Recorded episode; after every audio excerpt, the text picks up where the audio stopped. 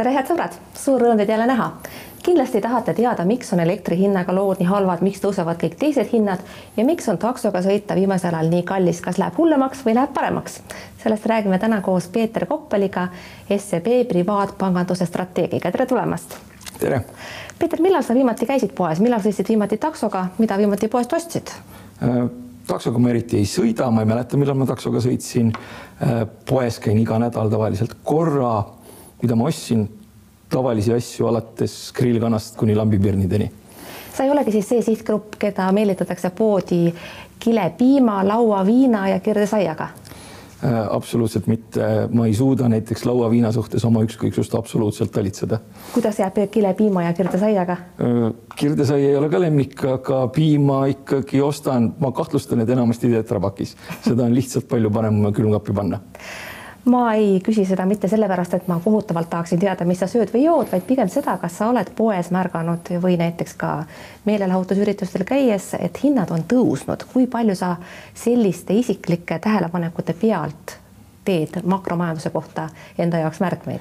no ma ei saa öelda, et ma märkmeid teeks, aga lahtiste silmadega ma käin ringi küll ja tõepoolest ma tunnen, et veidikene minu poearved on hakanud kasvama ja ma ei usu, et see on tingitud sellest, et maitse oleks muutunud, vaid poearved on veidikene kasvanud tõepoolest. teine asi, mida ma loomulikult alati tähele panen, on see, et milline on kütuse hind posti peal, sellepärast et see on noh, minu jaoks on see suhteliselt kõnekas ja noh, mis seal salata, moodustab ka teatud osa minu kulutustest inflatsioon on kohal ja veel pikka aega me tegelikult natukene pikka aega tagasi me juba hakkasime unustama, mis asi see inflatsioon on. kas inflatsioon ehk siis hindade tõus nii-öelda rahvakeeli on tulnud selleks, et jääda või on tegemist millegagi, mis korraks tuleb ja siis jälle läheb? No ütleme nii, et keskpankurid tahavad kindlasti öelda, et see on ajutine, sellepärast et see on tingitud sellest, et kui majandus oli pausi peal, kõik istusid kodus, teatud tarbimised jäid tege, tegemata, ettevõtetel jäid teatud investeeringud tegemata ja siis, kui kõik noh, tervisekriis mingitesse raamidesse suruti, siis kõik said välja nagu kevadised vasikad ja hakkasid tarbima ja investeerima, et see on see narratiiv, mis on nagu peamine. aga kui ma vaatan seda üldisemat tausta, siis mulle tundub, et et äh, siin võib olla taustal midagi natukene rohkemat kui selline kevadise vasika efekt. siin võib olla taustal ikkagi midagi veidikene enamat, enamat just nimelt selles kontekstis, et kui me nüüd vaatame, et äh, kuhu nagu ameeriklased ja eurooplased tüürima kipuvad. Nad kipuvad tüürima sellesse, et nad tahavad, üks tahab rohepööret teha, teine tahab rohepööret teha, infrastruktuuri parendada ja võtta täiendavat laenu selleks ja lükata see täiendavalt majandusse ja noh, loomulikult, kui kuskilt tekib juurde mingisugune selline täiendav nõudlus, antud juhul siis võib öelda riigi poole pealt, näiteks Ühendriikides, siis see täiendav nõudlus loomulikult lükkab hindu ülespoole no aga vaatame siin Eestis, eks ju, hinnad tõusevad sellepärast, et inimesed kangesti tahavad maksta, nagu Peep Sooman on tabavalt öelnud, et kui inimesed ikka tahavad maksta, kes saab neil seda keelata, võib-olla on siis niimoodi, et kui see esimene tuhin pärast suurt tarbimisnälga, mida koroonaviirusest tekitatud seisak elus ja majanduses meile põhjustas, saab see mööda, võib-olla läheb ikkagi üle no selles mõttes, et kui me nüüd lähme sellisest, ütleme piima ja vorsti hinnast natuke kaugemale ja räägime sellest, millest Peep Sooman räägib, et siis kinnisvarast, et inimesed tahavad palju maksta selle eest, siis siin on konkreetselt ikkagi see aspekt, et Eesti inimeste säästud on ajaloo kõige kõrgemad ja ütleme niimoodi, et võib-olla kui seda ostujõu, ostujõule mõeldakse ja võib-olla kardetakse seda inflatsiooniga veidike pikemas perspektiivis, siis mõeldakse, et no aga äkki ikkagi ostaks seda kinnisvara. Äkki ikkagi on see kinnisvara võib-olla natukene parem akumulatsioonivahend kui see raha seal kontol. ja, ja noh, ütleme, et kui mina lihtsa inimesena vaatan kohalikke kinnisvarahindu, siis mina leian, et seal on selgelt kaks olulist komponenti, mis neid ülespoole ajavad. meil just no tegelikult mujal ka, aga meil just eriti, on tarbija usaldus ja on raha kättesaadavus. raha kättesaadavus ja raha hind jäävad väga madalaks väga kauaks, kui me räägime eurost. ja kui me mõtleme tarbija usaldusele, siis meil isegi oli paariprotsendiline reaalpalga kasv siis, kui kõik oli pausi peal. loomulikult on tarbija usaldus kõrge kas me võime öelda, et meil on majandusbuum, miks ma seda küsin, on see, et no loomulikult on meil teatav selline tõusulaine pärast pausi, mis tõstab kõiki paate, eks ole. aga, aga on ka suured hoiused, mis kipuvad tarbimisse minema, on veel näiteks pensioni teine sammas, neid muutujaid on siin mitu. Ja buumi üks tunnus vähemasti vanasti oli see, et taksojuhid hakkavad investeerima, aga mina olen viimasel ajal märganud, et inimesed, kes muidu investeerimise peale üldse ei mõtle, ütlevad, aga mis oleks, kui ma paneks oma säästud korterisse, ostaks ühe väikese investeerimiskorteri, pank annab mulle meelsasti laenu lisaks. kas see ei ole üks buumi tunnus iseenesest? see, ütleme, ma ütleks ei ja jaa ja sellepärast, et noh, tava, tavaliselt buumide kontekstis sellised asjad juhtuvad. mingi vara hind tõuseb ja ühel hetkel inimesed ärkavad, et oi-oi, selle vara hind on tõusnud juba nii palju, äkki ta suslik tõuseb veel. nii, aga teine aspekt on konkreetselt see, et ega kui need, neid inflatsioonijutte on siin aegade jooksul olnud täiesti piisavalt ja, ja, ja siis inimeste säästud on kogu aeg kasvanud ja ega nad ei ole võtnud seda inflatsiooni juttu tõsiselt ja nüüd, kui nad vaatavad takkajärgi, igasugu varad on olnud selgelt, selges tõusutrendis, siis on võib-olla neil tekkinud ka küsimus, et aga äkki ma oma siis nii-öelda sellise varanduse ostujõudu säilitan paremini kuskil mujal kui lihtsalt pangakontol raha hoides. no mis on iseenesest mõistlik, aga mida siis öelda nendele inimestele, kes praegu tahaksid oma säästud panna just näiteks ühe, ühetoalise korteri ostmisesse ja no võib-olla võtta näiteks laenu ka lisaks, kui pank on nõus andma kui nad suudavad seda laenu teenindada, kui see korter on äh, nende jaoks mõistliku hinnaga, mina ei ole see, kes hakkaks sellist mõtlemist äh, hukka mõistma. lihtsalt sellepärast, et noh, ma ütlen ausalt, mida ma ise teen. mul ei ole küll ühtegi investeerimiskorterit, aga kui ma saan palga, siis sellest palgast kõik, mis ei ole nii-öelda minu sellised püsikulud või vajalik likviidsus, see läheb suhteliselt automaatselt, äh, investeerib erinevatesse finantsvaradesse ära. sellepärast, et ma ei taha ka raha hoida, miks ma peaksin tahtma raha hoida sinu rahakotti vaatame lõpetuseks hiljem ja täitsa põhjalikult, aga veel enne üldisemad makroteemad, kas see miljard, mis ootas tarbimise, tarbimises ärakulutamist, millele viitas juba juunikuus Swedbanki juht, kas see miljard on juba laiaks löödud või on sealt midagi veel järel ka?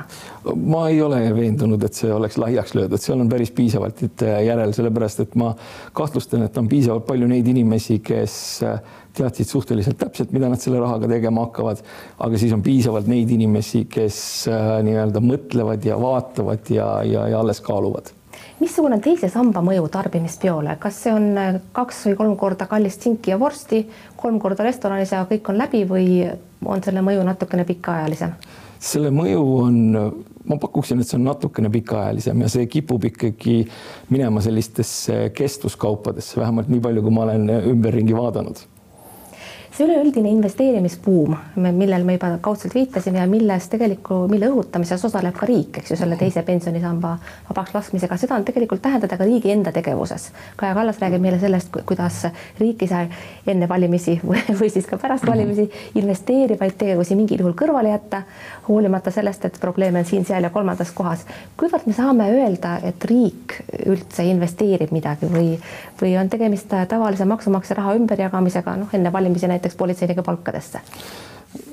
ütleme nii, et poliitikute puhul, noh, poliitikud on selle sõna investeerimine nagu ühed kõige suuremad kuritarvitajad.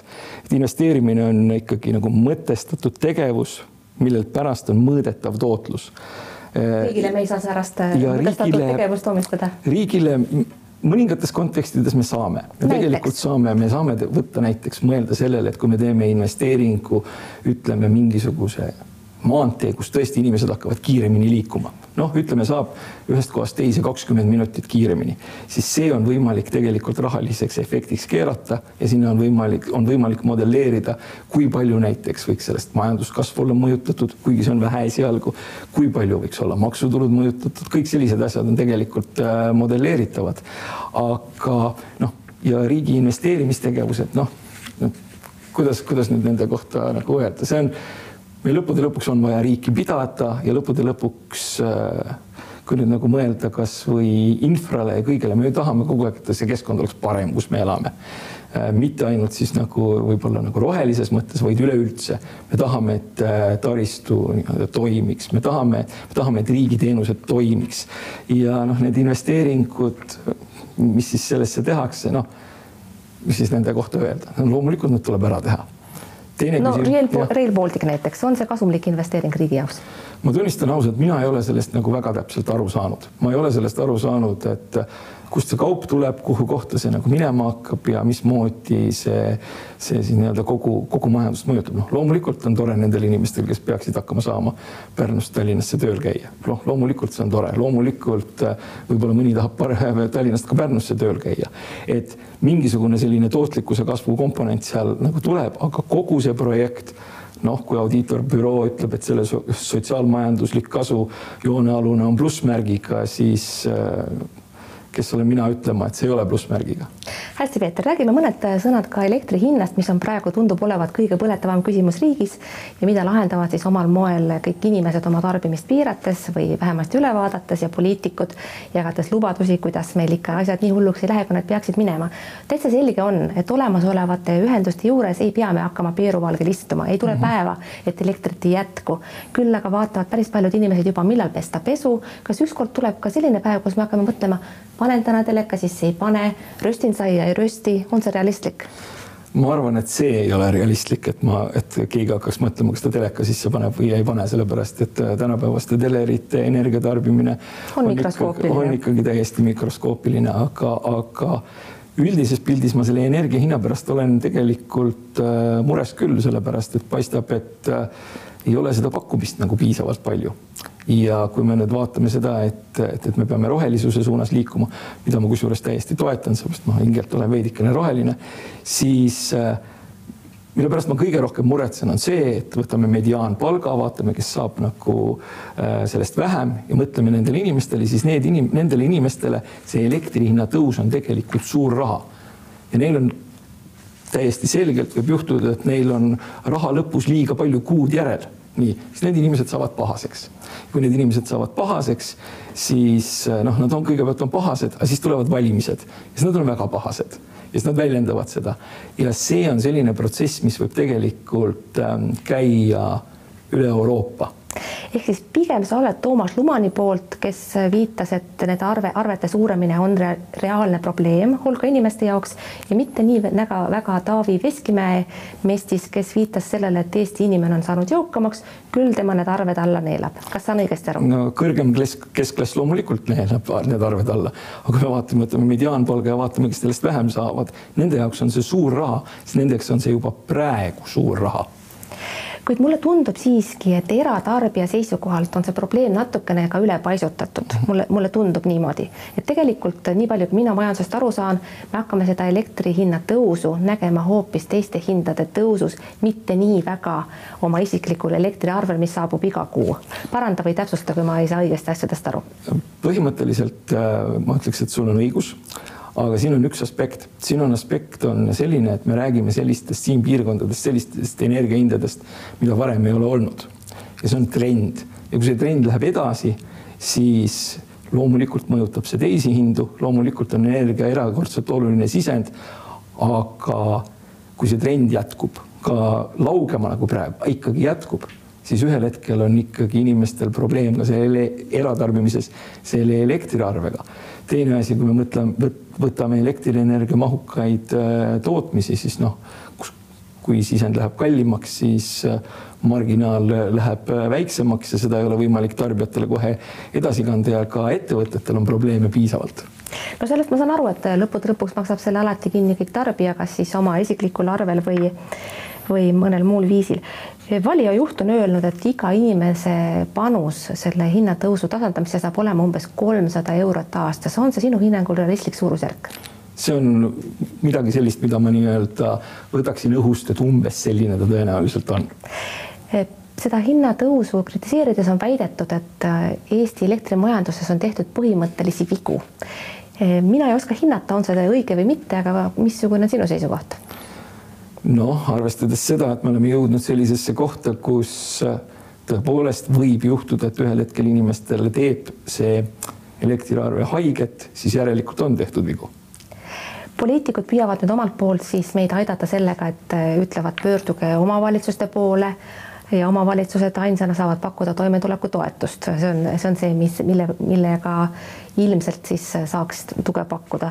teisalt äh, on valitsus ka nüüd otsustanud koos, koostöös Riigikoguga, et aktsiisid, äh, aktsiiside tõus, mis oli plaanitud, lükatakse edasi. kas sellel võib olla peale selle, et ta rahustab valijaid enne, enne valimisi, kohalikke valimisi, ka mingisugune reaalne mõju inimeste rahakotile? No kui aktsiisidest alustada, siis äh, ütleme niimoodi, et see aktsiiside teema, mina ütleksin, et see on rohkem üldise majanduskeskkonna teema, sest päris niimoodi ikkagi ei äh, saa, et ütleme, et sõidame üle piiri ja, ja see hinnaerinevus nagu liiga suur on, et, et transpordisektor ilmselt arvestas sellega, et, et, et sisend on mõnevõrra, mõnevõrra, mõnevõrra odavam nüüd, mis puudutab seda, seda ideed, et, et oletame, et siis eh, nendel inimestel, kellel võib-olla nii hästi ei, ei, ei, ei lähe, kelle energiaarved hakkavad kasvama, et neile seda kuidagi kompenseerida, siis eh, see on midagi sellist, mis paneb, eh, ma ütlen ausalt, minu aju valutama. see paneb minu aju valutama lihtsalt sellepärast, et ma ei ole näinud riigi puhul seda, et selline mõte et mingi hind liigub üles ja siis ma kellelegi kuskilt võtame ära ja hakkame seda kompenseerima. et need protsessid nagu oleks väga efektiivsed ja jätkusuutlikud. Äh, Eestis võib-olla sellise enam-vähem äh, okei okay eelarvepoliitikaga, noh, hea küll. aga kui me suuremat pilti vaatame, siis see on Euroopas kaasa tulnud ainult äh, noh, põhimõtteliselt ainult täiendavaid moonutusi, ainult suuri probleeme ja noh, teame, kui suured probleemid tegelikult Euroopas on. et ühesõnaga riik ei peaks püüdma lahendada probleemi, mille lahendamine ei ole tema võimuses, kui lühidalt kokku võtta äh, riik, riigi asi võiks olla nagu natukene rohkem vaadata seda keskkonda ja energiapoliitikat laiemalt, mitte hakata siis äh, inimestele kompenseerima niimoodi, et nad kuskilt mujalt selle ära võtavad. sina kui veendunud turumajanduse pooldaja, me olime elektri hinnaga rahul kuni see oli madal. nüüd järsku on ta kõrge ja nüüd järsku on selgunud, et vaba turg on halb. kuidas selline asi ikkagi juhtus? ma ei ole absoluutselt nõus sellega, et vaba turg oleks mingisugusel moel halb. aga praegu, praegu me kuskil, me nagu tajume sellist suhtumist, eks ole, et ka need, kelle meelest vaba turg on hea, nüüd ta äkki on paha, sest ta tõstis hindu. küsimus on antud juhul selles, et võib-olla, noh, minule muidugi meeldib, meeldiks, et homme oleks kõik roheline, võib-olla meie nagu ambitsioonid roheluse suunas olid natukene liiga sellised, nat-, võib-olla natuke liiga nobedad. ja kui ma siin jälle Euroopat vaatan ja hakkan näiteks Saksamaale mõtlema, et noh, paneme tuumajaamad kinni. noh, me võtame ära mingisuguse sellise ressursi, millega me tegelikult võtame, nii-öelda vähendame pakkumist. kui me vähendame pakkumist, mis hinnaga juhtub? Noh, hind kipub ikkagi nagu ülespoole minema. et sellised mõtted, et me võib-olla liigume selles rohelises suunas natukene liiga kiiresti ja me keeldume mõtlemast äh, ka näiteks tuumaenergiale, noh, Eesti kontekstis võib-olla see on natukene liiga, äh, liiga suur mõte, aga no selline mõtlemine on täiesti olemas ja eestkõnelejad samamoodi no ütleme nii, et, et ma saan neist aru, ma saan nende nii-öelda mõtlemisest aru, aga noh, minu jaoks ma ei ole seda ideed nagu täiesti ära ostnud, aga tuumaenergiat kui sellist, noh, ma mäletan lapsepõlvest Tšernobõlit nagu päris, päris korralikult. Ei meeldinud, Fukushimat mäletan, kui ma tänast konteksti vaatan, siis noh, esiteks meil ei ole nii-öelda nõukaaegset korralagedust, meil ei ole tuumareaktoris vaja plutooniumipommide jaoks keeta.